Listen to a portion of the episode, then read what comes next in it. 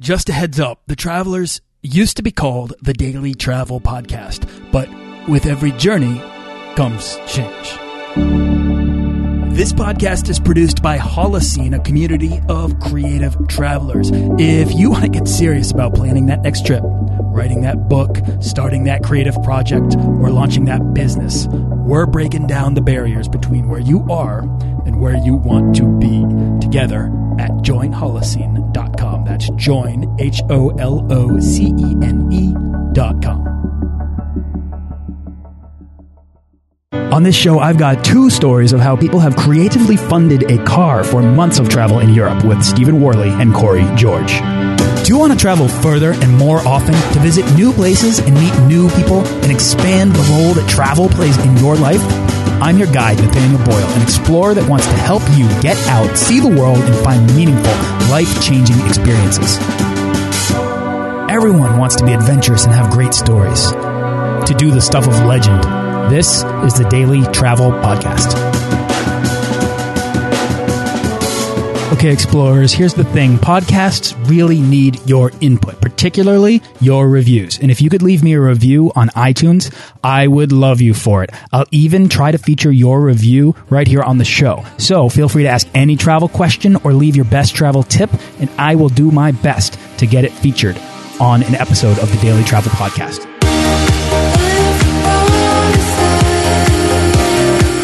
Did you know that if you need a new car, you can buy one?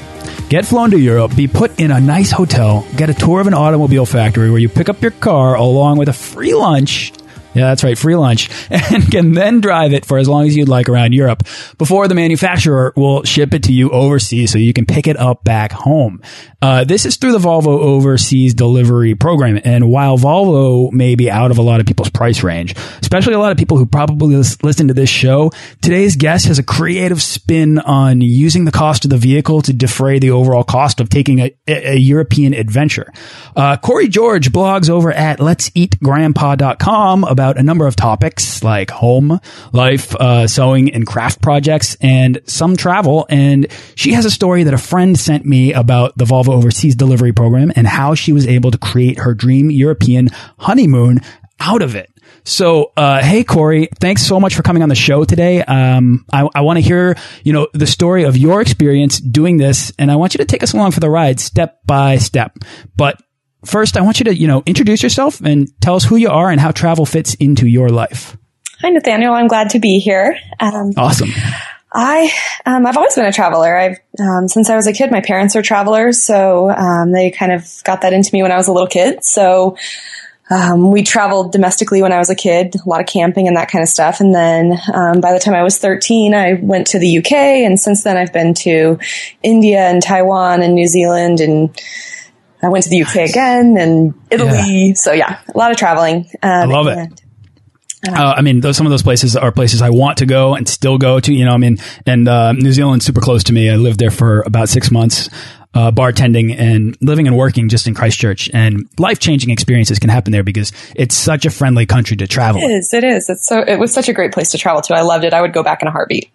Honestly, yeah. Well, we were talking before the show about how we both have had these thoughts about like, you know what, maybe I'll just move there. and I know New Zealand wants you to do that. That's why they so readily hand out work visas to a lot of young people who want to go because they want to increase their population and have more people coming over and working. And yeah, uh, so great. So cool. Um, all right. So let's talk about, um, you know, your story and how did you find out about the, uh, the, the Volvo program to begin with? Oh, my husband and I were planning our honeymoon and we, uh, well, clearly before we got married, but we were planning our trip and we knew that we wanted to go to Norway. We both had had, um, Norway on our bucket list of places we want to go. We are kind of outdoorsy people. We like the mountains. We don't like a lot of crowds. So we knew that, that we really wanted to go to Norway for our honeymoon. Um, and then uh, my husband just happened to mention that the Nürburgring, the big racetrack in Germany, was a mere 12 hours from Norway. And so um, I, we start, started out as just a honeymoon to Norway, turned into kind of, I was like, I'll see your Norway and raise you this huge swath of Europe, and we'll take this really big trip. And so we were telling my my brother about this, and he said, "Well, have you heard of the European delivery program?" He said a lot of the um, European car makers do this program, um, but he thought Volvo had the best program. So we started looking into them and kind of thought, hey, maybe Volvo would make this possible because of how much they pay for um, to get you over there with the paying for your flights and the hotel and then not needing to rent a car and all of these things.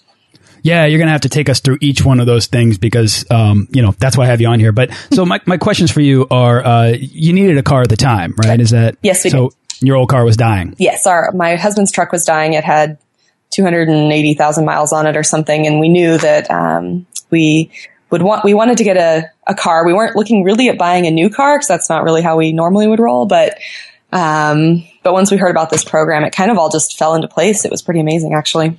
Yeah. All right. So what did you do? You just went down to the Volvo dealership and just said, I want to learn more about this. Yes, that's pretty much what happened. We, um, there is a guy here in Sacramento at the Volvo dealership. He's actually Swedish. He's from Gothenburg, Sweden.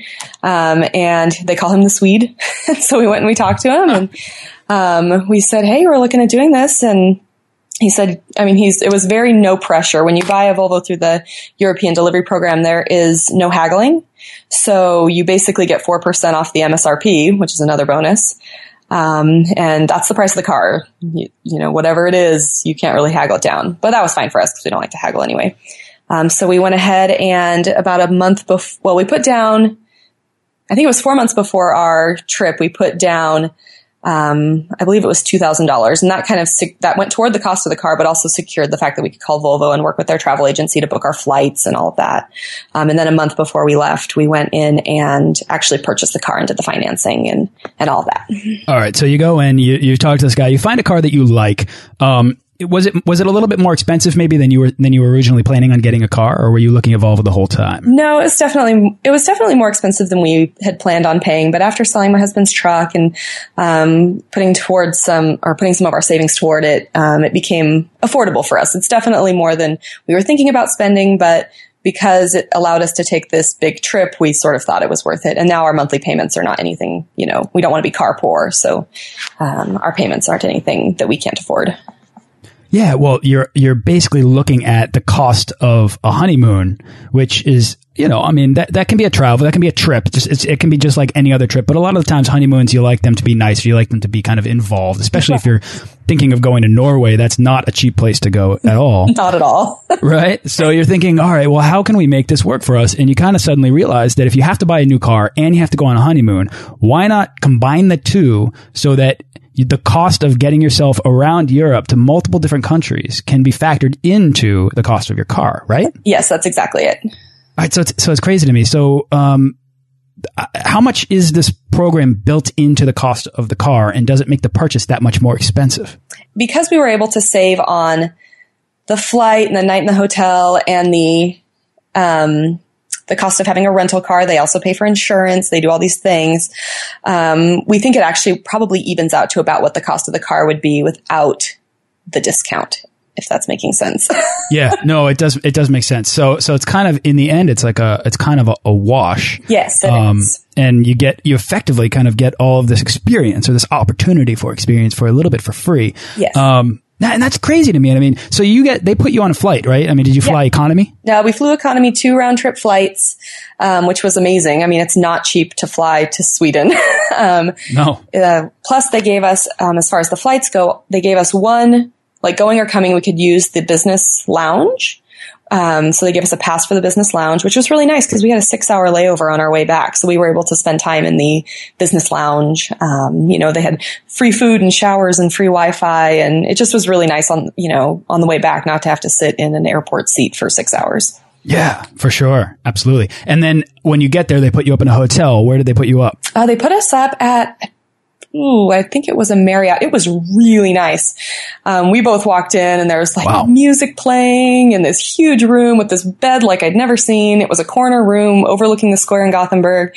It was really, we were both really surprised at how nice it was. Plus they pick you up from the airport and take, like a Volvo driver picks you up from the airport and takes you to the hotel and the next day picks you up and takes you to the dealer or to the factory, which is nice. Yeah. So the factory, you get to the factory and you get like a tour of the factory, which is, that's pretty cool. Yeah, it was really cool. I never really realized how cars are made and Volvo, um, is because they have such a high quality to their cars, they're a little bit less automated than a lot of some of the other car makers, but it was cool. You took a little blue train and drove around the factory and got to learn from the tour guide all about how Volvos are made.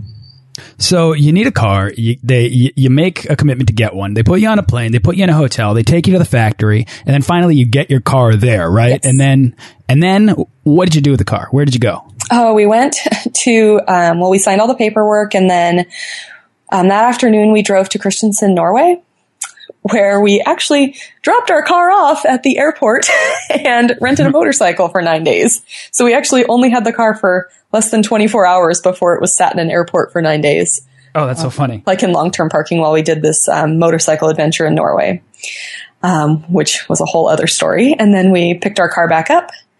Um, and then we spent another three weeks traveling around other parts of Europe. So we came down um, on the ferry from Norway into Denmark. We went to uh, Billund, Denmark, which is where Legoland lives. because we're both big Lego freaks, um, which was kind of That's awesome. And then we went to Berlin for a couple days, um, drove to Prague and spent a few days in Prague, and then drove down to Austria um, because we wanted to go on a roller coaster. So we spent one night in Austria. Um, oh, we also we stopped by Munich on our way down to Austria, which is, and we went to the BMW museum, and they have a um, overseas delivery program there as well. So we got to kind of see theirs is a lot fancier than Volvo's. Um, and then we drove up the romantic road in Germany. We went to Neuschwanstein. We uh, stayed. Uh, then we went to the Nurburgring, and Ryan got to drive our Volvo around the Nurburgring, which Oh, wow. much, like melted his brain. He was So no, th that's essentially a racetrack that goes around Nurburg, right? yeah, it's it's pretty incredible. It's 13 miles. It's one of the most famous racetracks in the world, and a couple times a week you can drive your own car on it. And it was been on Ryan's bucket list for I can't even tell you how long. And um, to get to do it was just pretty incredible. I know that they have at the Nurburgring, um, they have some restrictions on who can drive, and I believe that the German car overseas programs, um, they don't let you take those cars. Um, you get a special license plate when you um, buy a car overseas, and uh, so the signs at the Nurburgring said if you have a white a white license plate with red letters, meaning it's a tourist plate, you can't drive on the Nurburgring. Well, our car was from Sweden, so we had a red license plate with white letters, and they kind of were like, "We don't know what that is," so they let us drive on it. That's awesome. That's so much fun. Um, so this is uh, I'm I'm counting right four countries, I think, right? Uh, let's see. So no, we had Norway, Denmark, oh, five. Germany, uh, Czech Republic, Austria, back into Germany, and then we drove after the Nurburgring. We drove uh, through Luxembourg, spent an afternoon in Luxembourg, and ended in Belgium. Eight countries. Wow. Trees, yeah. Unbelievable. So, I mean, that's that right there is an extremely expensive trip to take. Yes. Uh, especially if you're renting a car. I mean, how much money do you think you saved? I don't even know. I mean, because we never even looked at renting a car because we did the Volvo thing kind of straight from the beginning. Um, but it it would have been really expensive, especially also including insurance, which Volvo includes two weeks Right. of insurance. So Oh, they do. That comes in part of the package as well. yes. Unbelievable. Yeah, and then there's the option to purchase more, which I think was just a nominal fee. It really wasn't that much. Wow. So, how long was the whole trip in the end? 26 days. 26 days. That's awesome. I mean, first of all, it's great that you were able to be able to take that time. Yes. Um, you know, and, and actually uh, like appreciate over, what's that? Like three and a half weeks almost, almost Yeah. four weeks. Almost four weeks. Yeah. Unbelievable. But then Uh, 26 days with renting a car, that, that right there is probably a couple thousand dollars, especially if you're starting and especially if you're starting in Sweden and driving, driving to all these different places. Did you leave? Did you make a full circle and return to Sweden at the end of your trip? No, we didn't. If you return to Sweden, if you return the car to Gothenburg, there's no fee. They will ship it back home for you for free. Oh, wow. Um, but there's also something like 20 destinations in Europe where you can drop the car off. And depending on how far it is from a port, you pay a small fee to get it to the port so they can put it on the boat. So we were originally planning on ending our trip in Switzerland, um, in Geneva, but Geneva is very far from the ocean. Um, and so it, it would have been like $700 for us to drop the car off there. So we instead ended our trip in Brussels. Um, and it was only, it was less than $200 to drop the car off there to get it to a port. Oh wow. Okay, so that's totally. I mean, two hundred dollars is almost completely worth it if you don't want to have to drive all the way back Right. from the end point of your journey Exactly. back back to And Sweden, renting- which is a hike. and renting a car starting in one place and ending a thousand miles away, that the uh, cost of the rental would go up exponentially because you're not dropping it off at the same part you started at. So there, that's I think my big question for you then is that you're able to do all of this. You're able to save all this money. Volvo is putting you on a plane. They're putting you in a hotel. They're uh, feeding you. You know, they're taking care of you. They're buying you uh, airport lounges, and they're giving you this unbelievable opportunity, all because you need to buy a car. But what's the catch then? You know, why would Volvo pay for you to do all of this? Um, the only, I mean, there really is no catch. I, I know that sounds crazy, but there is no catch. The only thing we can think of is that now they have a Volvo customer for life. Yeah, see, that leads me to actually my next question is so next time you need to buy a car, you'll probably consider carving out the time to do this again. Pretty much, yeah. And explore new countries across Europe. Yep. We are we are already thinking about it. it's amazing. I mean, that, that's that how to how to build something. I think a lot of people look at buying a car as uh, an impediment to traveling more because then you need to be able to take care of your car. But you know, maybe you need a car because you just had a kid, or there's all these different things. But Corey, you've kind of demonstrated this creative thinking in in making something like a car purchase, which is almost the opposite of international travel, right. work for you to save you money on your international travels and give you this awesome European adventure. Yep. Yeah, it's amazing to me that more people don't know about this. I know. We think the same thing. And every time I tell somebody, they're like, wait, what? they get really excited about it. I had no idea until about, you know, a couple weeks ago. And then I reached out to you. So thank you so much for coming on, you know, the Daily Travel Podcast, sharing your experience. It's really cool. Um, what's, you know, what's next for you? Do you guys have any trips planned coming up? Uh, no, we actually, I have surgery later this year. We were thinking of going to Bhutan, but we had to cancel because of surgery. Oh. So, yeah, sometime we're, we're excited. We love to travel, so I'm sure we'll we'll have something coming up here soon. Yeah, life can get in the way, but you know, as long as you make travel a big priority, you keep coming back around to it. Keeps you know saving up for that next big thing. Exactly. Um, which might be a car purchase for you. Might be another Oh yes. awesome, Corey. Thanks so much. Thank you. I hope you enjoyed that chat with Corey about the Volvo Overseas Delivery Program. I'd never heard of it, and I'd asked around, and none of my friends knew either. So, special thanks to my friend Doug for pointing it out to me. Uh, if you have a story that you think would be good on the show, I would love to hear it. Email me at nathaniel at dailytravelpodcast.com, or you can shoot me a message through the website or on Twitter at Daily Travel Show. Next up, I've got another creative way to save significant money on a long term car rental in Europe from my friend Stephen Worley of Unstuckable. I'd never heard of what Stephen's about to share, so be sure to check it out, especially if you're interested in road tripping Europe or even staying long term and want to save thousands on a car. Do you know about this program with the French government, how you can lease a car for cheaper than renting a car for an extended period of time? I did not know that. This is a good one. I love and it. my wife is probably laughing if she can listen to our interview right now because I've told this story way, way too many times. so we went uh, on our honeymoon a couple of years ago for a month to Spain, Portugal, and southern France. So me being the frugal person that I am, I did all my research because we don't know how to drive standard. So automatic cars that you're going to rent with the insurance in Europe are very expensive. So the cheapest I could find was about 2500 bucks for the month. That wasn't good enough for me.